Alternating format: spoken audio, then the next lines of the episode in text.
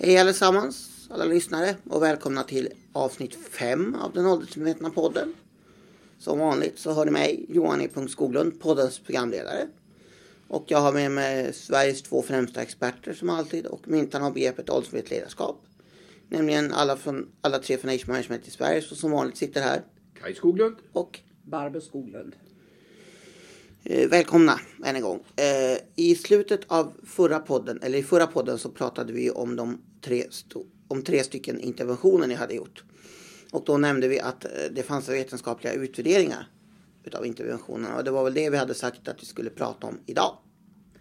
Alldeles riktigt. Och eh, vi kommer att gå igenom på olika sätt och vis eh, i den här podden vad de vetenskapliga utvärderingarna och de, med, men de externa utvärderingar, alla tre som vi kommer att lyfta upp. Eh, och vi börjar, Kaj, egentligen vad är det som är de stora utmaningarna som gör att man faktiskt måste jobba med det åldersmedvetna ledarskapet? Ja, det handlar ju om den demografiska utvecklingen som är väldigt tydlig och som nu börjar gå riktigt fort. Vi får en åldrande arbetskraft, allt, äldre, allt fler äldre i arbetslivet. Eh, samtidigt som vi har en utveckling, eh, haft i många år, där yngre kommer in i arbetslivet väldigt sent. Eh, och det, här, det är det här som eh, är, grunden för det åldersmedvetna ledarskapet. Eh, man kan väl sammanfatta det med att det handlar om att, att organisera arbetslivet på ett sätt som skapar förutsättningar för tidigare in och senare ut. Och innan vi går in på de här tre interventionerna och utvärderingarna så, så ska jag beskriva de två grundläggande utmaningarna. Det första är just att hur organiserar vi arbetet med allt fler äldre i arbetslivet med stora individuella skillnader i arbetsförmåga. Det här har ju Barbro utvecklat i en tidigare podd. Och det andra, hur säkerställer man en systematisk kunskaps och erfarenhetsöverföring till nya medarbetare in, innan allt fler äldre lämnar arbetslivet? För förr eller senare så, så går man ju pension. Jag vill bara tillägga att i den här punkten två som du tar upp Kaj, så finns det ju e, en ytterligare komplikation med det här med det systematiska kunskap och erfarenhetsöverföringen. Därför att all erfarenhet som den erfarna medarbetaren har är inte, har man inte behov utav. Så att eh, det finns en mytbild, det finns många mytbildningar i den här världen, men en utav myterna är att all erfarenhet är en tillgång på arbetsmarknaden. Det är inte alltid det, för det beror helt på vilka behov som arbetsgivaren eller arbetsmarknaden har. Och sen får vi vara ärliga och säga att det finns även eh, äldre erfarna medarbetare som kanske slarvar, som inte är så noggranna, som har hittat på egna eh, lösningar som inte stämmer med företagets. Och sen har vi ju frågan om utveckling. Hur kommer företaget och verksamheten att se ut i framtiden? Mm. För det är faktiskt så, det kan vi säga redan nu så att vi är tydliga med det. För, I förra podden sa vi att det här är en VD-fråga med kompetens, det är inte en HR-fråga. Och det är faktiskt en, en Eh, eh, det finns alltså en, en, en, ett fokus där som är viktigt. Det är nämligen så här. Det är åt vilken håll utvecklingen går av företaget. Verksamhetsutveckling brukar det heta inom offentlig sektor. Affärsplan inom den privata sektorn. Det är den utvecklingen som styr behovet av kompetensprofiler för att utföra arbetet inom de här organisationerna. Ja, då är vi tillbaka till utvärderingarna. Ja, och vi kanske ska börja ändå Barbro med att erinra om eh, det som är liksom konceptets utgångspunkt eh, som ju har sammanfattats av, av eh, jag vill säga, the grand old man Johannes Ilmarin, mm. professor vid det finska arbetslivsinstitutet. Eh, och det var det här vi läste eh, hösten 2000. Eh, det vill säga eh, för 15 år sedan. Det var det här som gjorde att vi ändrade det vi har berättat om tidigare. Hela, vårt namn på företaget, inriktningen. Vi bestämde oss för att börja arbeta tillsammans. Eh, jag använder faktiskt det, det, här, det engelska uttrycket och det, det är eh, gångbart i, i de flesta sammanhang. Alltså den vetenskapliga ut, eh, utgångspunkten är Age management is probably the most powerful tool for improvement of the workability for older workers. Foremen, supervisors and managers need training. När vi såg det här att det här var en fråga om kompetens om kompetens inom ledarskapet. Ja, då insåg vi att detta var det vi skulle syssla med. Eh, det man också skrev, och nu tar jag det på svenska, det var så här. Det är från samma artikel som, som vi läste 1920 som var publicerad 1999.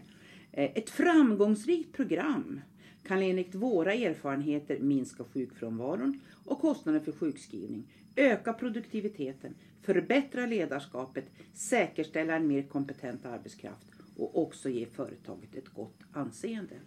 Det här låter lite grann som en utopi, ett Shangri-La. Alltså var det här lösningen på alla problem? Ja, vi får väl se vad som, vad som våra utvärderingar visar sig.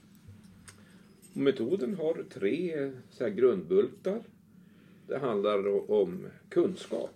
Helt enkelt att ge chefer ökad kunskap om sambanden mellan ålder, arbetsförmåga och ledarskap. Den andra punkten är att man måste ha individ och teambaserade åtgärder på arbetsplatsen. Och olika arbetsplatser har olika förutsättningar.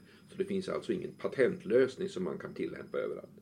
Och den tredje delen av metoden är faktiskt att arbetsförmågan hos erfarna medarbetare kan bibehållas och till och med stärkas under förutsättning att chefer och ledare har och framförallt får den rätta kompetensen för att hantera de här utmaningarna. Innan, innan du går vidare Kaj på utvärderingarna vill jag eh, förstärka egentligen den första punkten, alltså ge chefer ökad kunskap om sambandet. Ja, det är den väg vi valde när vi förstod att egentligen handlade om de värderingar och attityder som finns hos chefen. Hur han eller hon eh, förhåller sig till sina mer erfarna medarbetare. Vi kommer att komma in på det här senare i en senare podd när vi berättar om våra böcker. Men vi bestämde oss för att vi skulle inte hålla på att ta upp attityden. Vilka attityder har du? Och du har fel attityd eller du har rätt attityd. Utan vi bestämde oss för att kunde man, om, om chefer får kunskap, och det här var vad vi själva hade, eh, hade erfarenhet av, och det man ser nyttan utav, vi har pratat om det tidigare, då använder man sig av det. Och nu får vi se vad, vad, vad, vad cheferna tyckte om det här, om det sättet att, att arbeta. Mm. Vi kan väl börja då med Vattenfall Service Nord AB som det hette på den tiden i den dåvarande organisationen i Vattenfall. Den har ju naturligtvis förändrats sedan dess.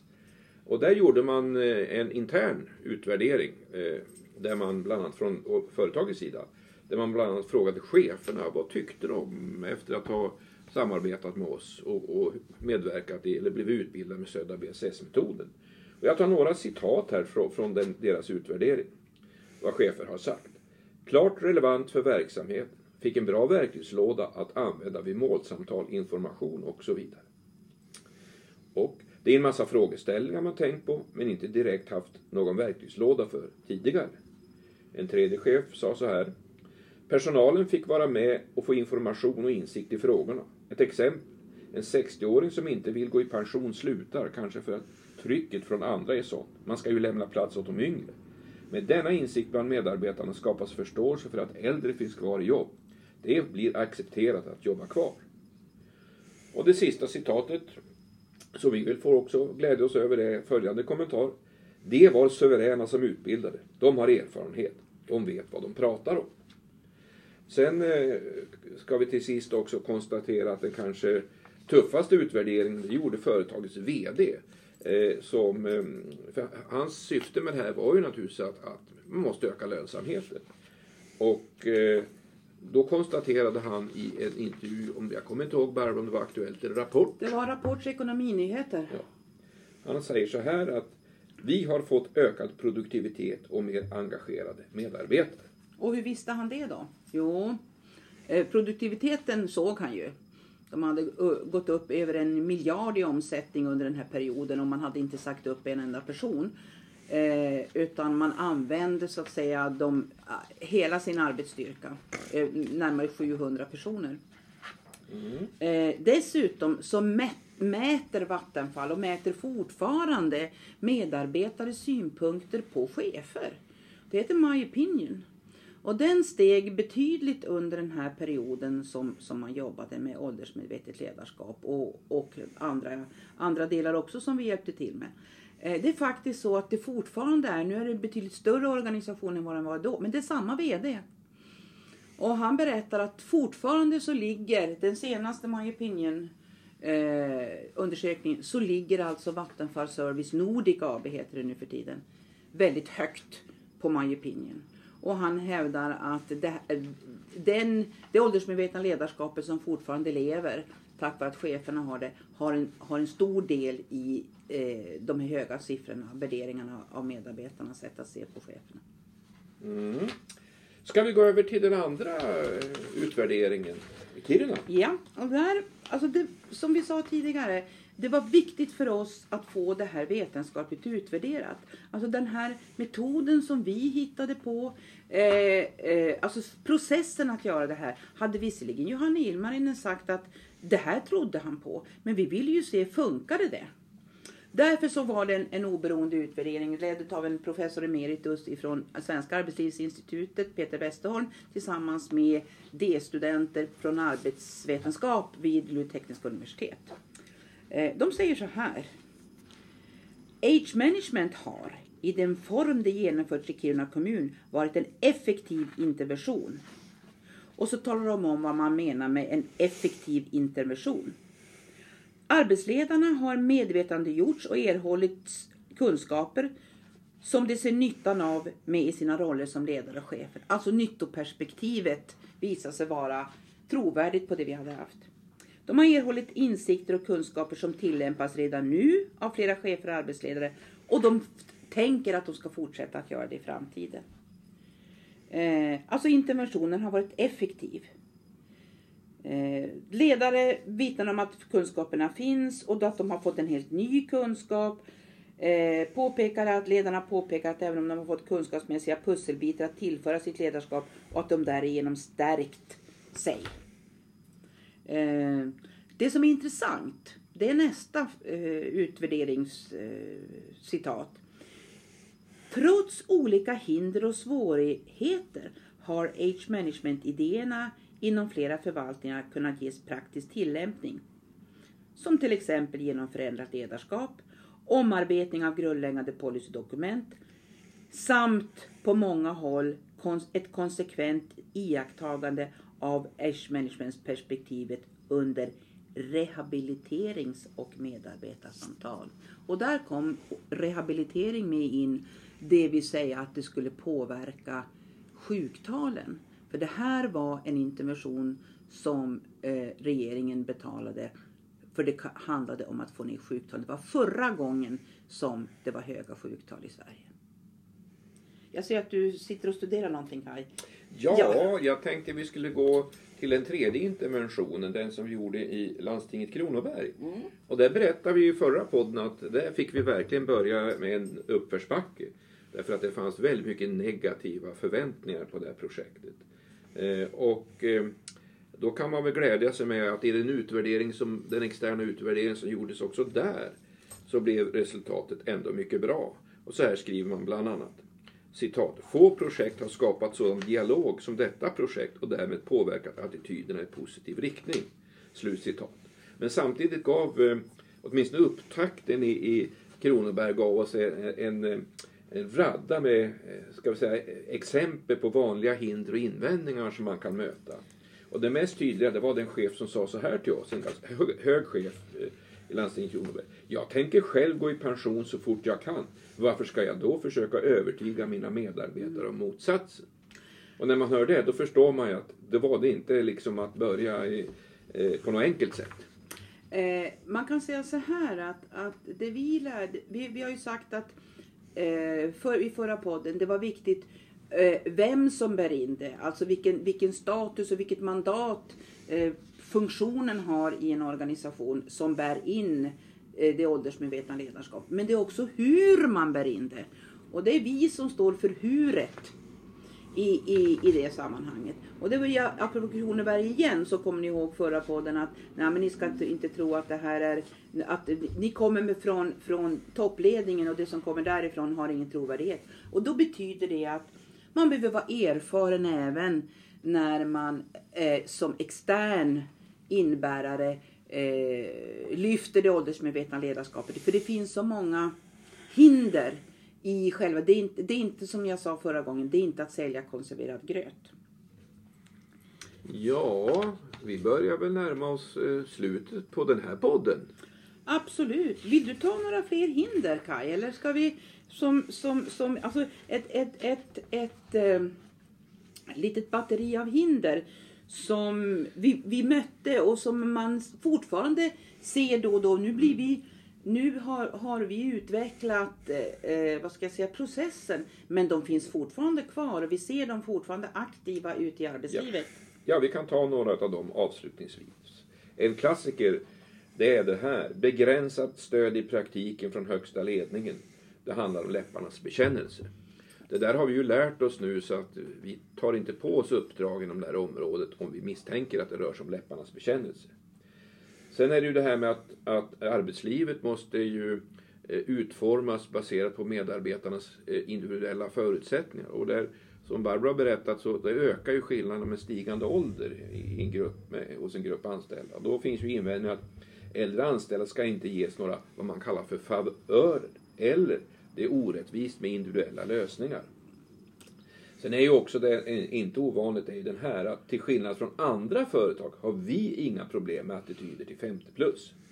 Och det är en mycket stor utbredd, eh, vad ska jag säga, eh, ah, man alltid är personalchefer som har uttalat det här. Eh, andra har attityder mot äldre i arbetslivet, men inte hos oss. Absolut inte. Sen har vi en, en riktig favorit också. De unga behöver jobben. De är desto mer flexibla, öppna för förändring och bättre på IT. Och, och det här är fel, fel, fel. Men det ska vi berätta mer om i en annan podd. Man kan säga så här, där staplas fördomarna på hög. Eh, jag vill bara lyfta så här. Under det är ett industrisamhälles funktion när man säger så här, vi måste lämna plats för de yngre. För då räknar man arbetsmarknaden som det brukar kallas ett nollsummespel. När en går ut så kommer en in. Så ser inte arbetsmarknaden ut idag, har inte sett ut de senaste åren. Och nu ser vi effekterna av det här. Ja. Eh, tack så mycket Kaj och Barbro för ett mycket intressant redogörelse för de här tre vetenskapliga utvärderingarna och interventionerna och en massa annat matnyttigt också som den här podden bjöd på. Jag fick väl inte säga så mycket i det här avsnittet men det är så det ska vara när man har två experter. Det är de som kan. Jag ska komma med några frågor men det här var just klargörande jag inte behövde göra det. Vid ett flertal tillfällen nu under poddarnas gång har vi pratat lite om, eller pratat en del om våra böcker och det är väl därför vi har tänkt att nästa avsnitt ska handla uteslutande om eh, våra böcker. Så att då får ni veta mer om dem. Och med det så säger vi tack för den här gången. Det vi som tackar är jag, Johan E Skoglund. Och jag, Kai. Och, och Barbro.